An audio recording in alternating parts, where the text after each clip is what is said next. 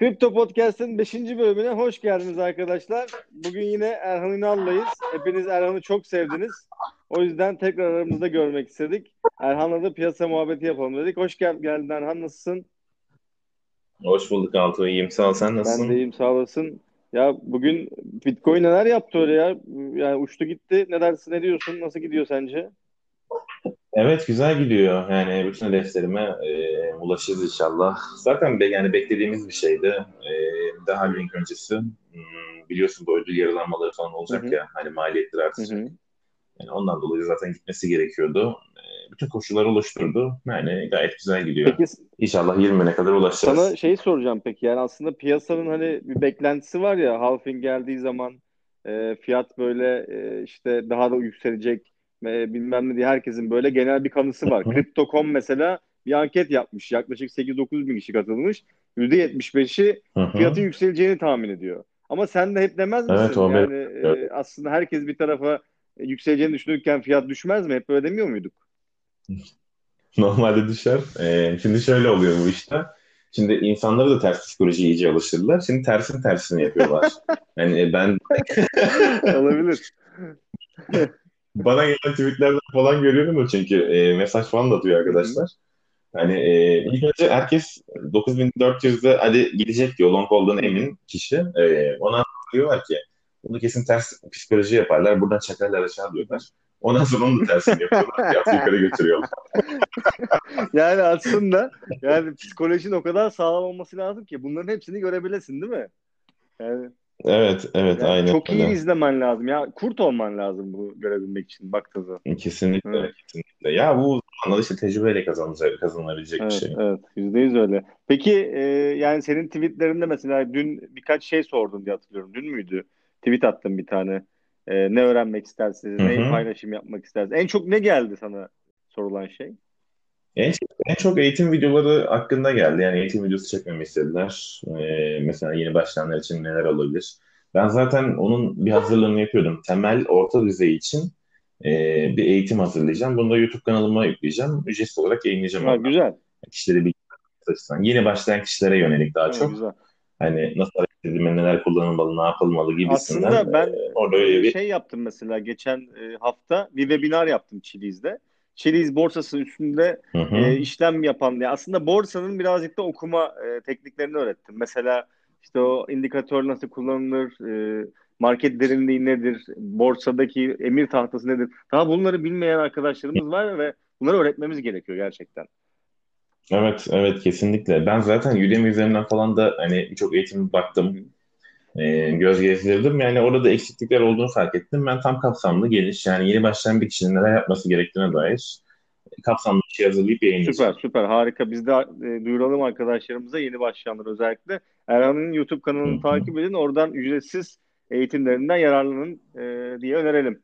Erhan YouTube kanalı nedir peki? Nasıl bulacaklar seni? Ben e, sana linkini paylaşayım istersen podcast'te Tamam. e, yayınlarken eklersin bunu da Twitter'dan tamamdır anlaştık öyle yaparız podcast'ın altına yerleştiririz onu. Hı hı. E, peki okey. E, başka eğitim videoları haricinde neler isteniyor? Yani e, Telegram kanalı açmamı istediler birçok hı. kişi. Yani Telegram kanalı açmasını için de ben onunla uğraşamam. Yani benim için zor bir şey o. Yani onu takip etmek mesela. Yani bir de şimdi şöyle e, birçok kişi şimdi bir hedef paylaşıyoruz. Yani giriş yeri noktası, çıkış noktası falan. Şimdi buralardan çıkmayan veya girmeyen kişiler yolda giderken nereden girilir diye soruyorlar. Şimdi ben bu sorunun cevabını mümkün değil veremem. Çünkü oradan e, trene binmemişsen tren kaçtıktan sonra orada binince orayı analiz etmek çok güç oluyor.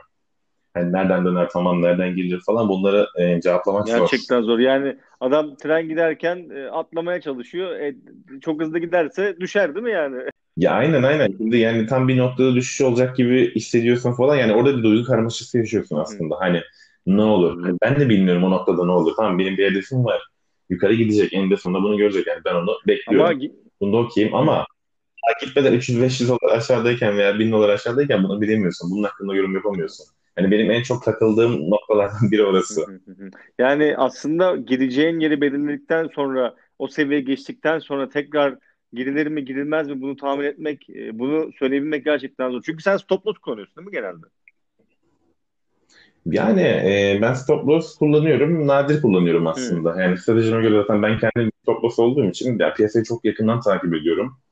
Hani e, sadece 8 saat uyku sürem var. Onun dışında bir tane her daim piyasanın içindeyim. Cepten, mobil olsun, evden olayım vesaire.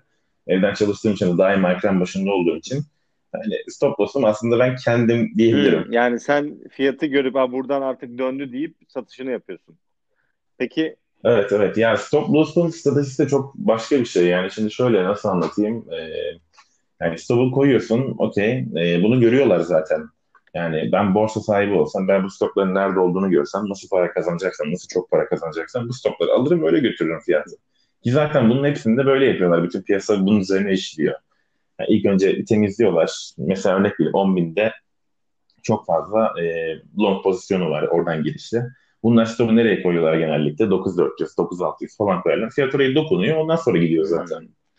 Hani bunu da önden öngörüp ona göre bir stop stratejisi geliştiriyor. yani aslında sen onlar görmesin diye bir bakıma kendi beyninden gizli stoplar yerleştiriyorsun. Peki Evet, peki o evet, evet, stop öyle. noktalarını nasıl belirliyorsun? Yani destekten mesela şimdi destek neresidir? 10 binde girdik. Desteği bunun en büyük şu an majör destek 9200'dür değil mi? Şimdi 9200 olduğunu herkes biliyor. Hani buraya yakın. Bunun bir tık altına koyuyorlar. Ben bunun biraz daha altına kadar tolere edebilecek şekilde kendi e, pozisyonlarımı ona göre ayarlıyorum. Yani DTC adeti olsun veya marjin işlem olacaksa da e, yani kontrat sayımı ona göre ayarlıyorum. Peki Hani kaybım ne kadar olacaksa ne kadar olmasını istiyorsam ona göre kontrat girerekten riskimi yani azaltıyorum. aslında dediğin şey e, senin biraz da insanların risk e, iştahına göre de değişiyor yani değil mi? Evet, evet, aynen Peki öyle. hedeflerini nasıl belirliyorsun? Mesela az önce dedin 900.200 en büyük destek şu anda, en majör destek dedin. Peki senin e, hedefin o hı. 10.440'tı değil mi hedefin sanırım? Ee, benim şu anda belirlediğim destek yani bir sonraki hedefim 10.110. Yani ben burayı önceden e, piyasanın kanal içerisinde ilerlemesi, zikzaka vesaire her şeyi hesaba kataraktan yani önden o şekilde öngörüyorum. Ee, aslında buradaki destek 10.500 seviyesi ana destek. Ben onun öncesinde çıkış yapıp realize etmeyi tercih ediyorum hedefte. Peki elinde her zaman Bitcoin oluyor mu bunları yaparken? Hem Bitcoin hem e, Her daim ben zaten bunu Twitter'dan da yayınladım. 1 milyon dolara bile çıksa Bitcoin elinde satacak kadar Bitcoin durur. 1 doları düşse bile alacak kadar Bitcoin durur. Strateji bu. anladım. Çok güzelmiş, çok güzelmiş. Bunu da yine arkadaşlarımız Ya çünkü şundan, şundan dolayı e, çünkü yani tamam tahmin yapıyoruz. Gelmeme olasılığına karşı terse düştüm diyelim. Tekrar aşağıdan ilave edebilecek param hazırda kenara durunca e, bu beni rahatlatıyor yani tamamen eksi olarak gitmiyorum. E, aşağıdan aldığım için tekrar fiyat çıktığı zaman daha fazla para kazanarak devam edebiliyorum. Peki yani buna psikolojini kendin nasıl hazırlıyorsun?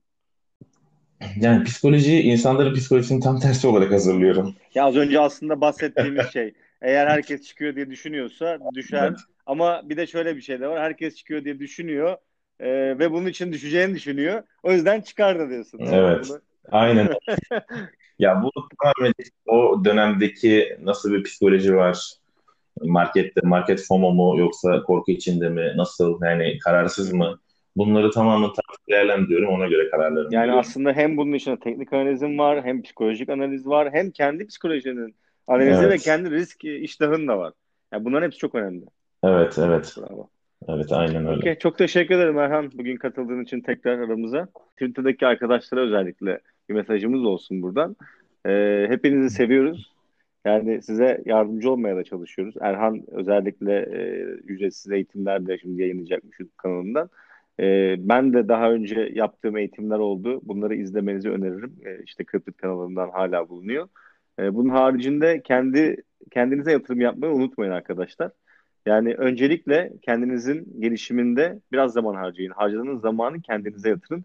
O Erhan'ın da dediği gibi e, piyasanın nasıl gittiği, nasıl döngülerde oluştuğunu, nasıl hareketler yaptığını iyi analiz edin. Ona göre yatırımlarınızı yapın diyorum.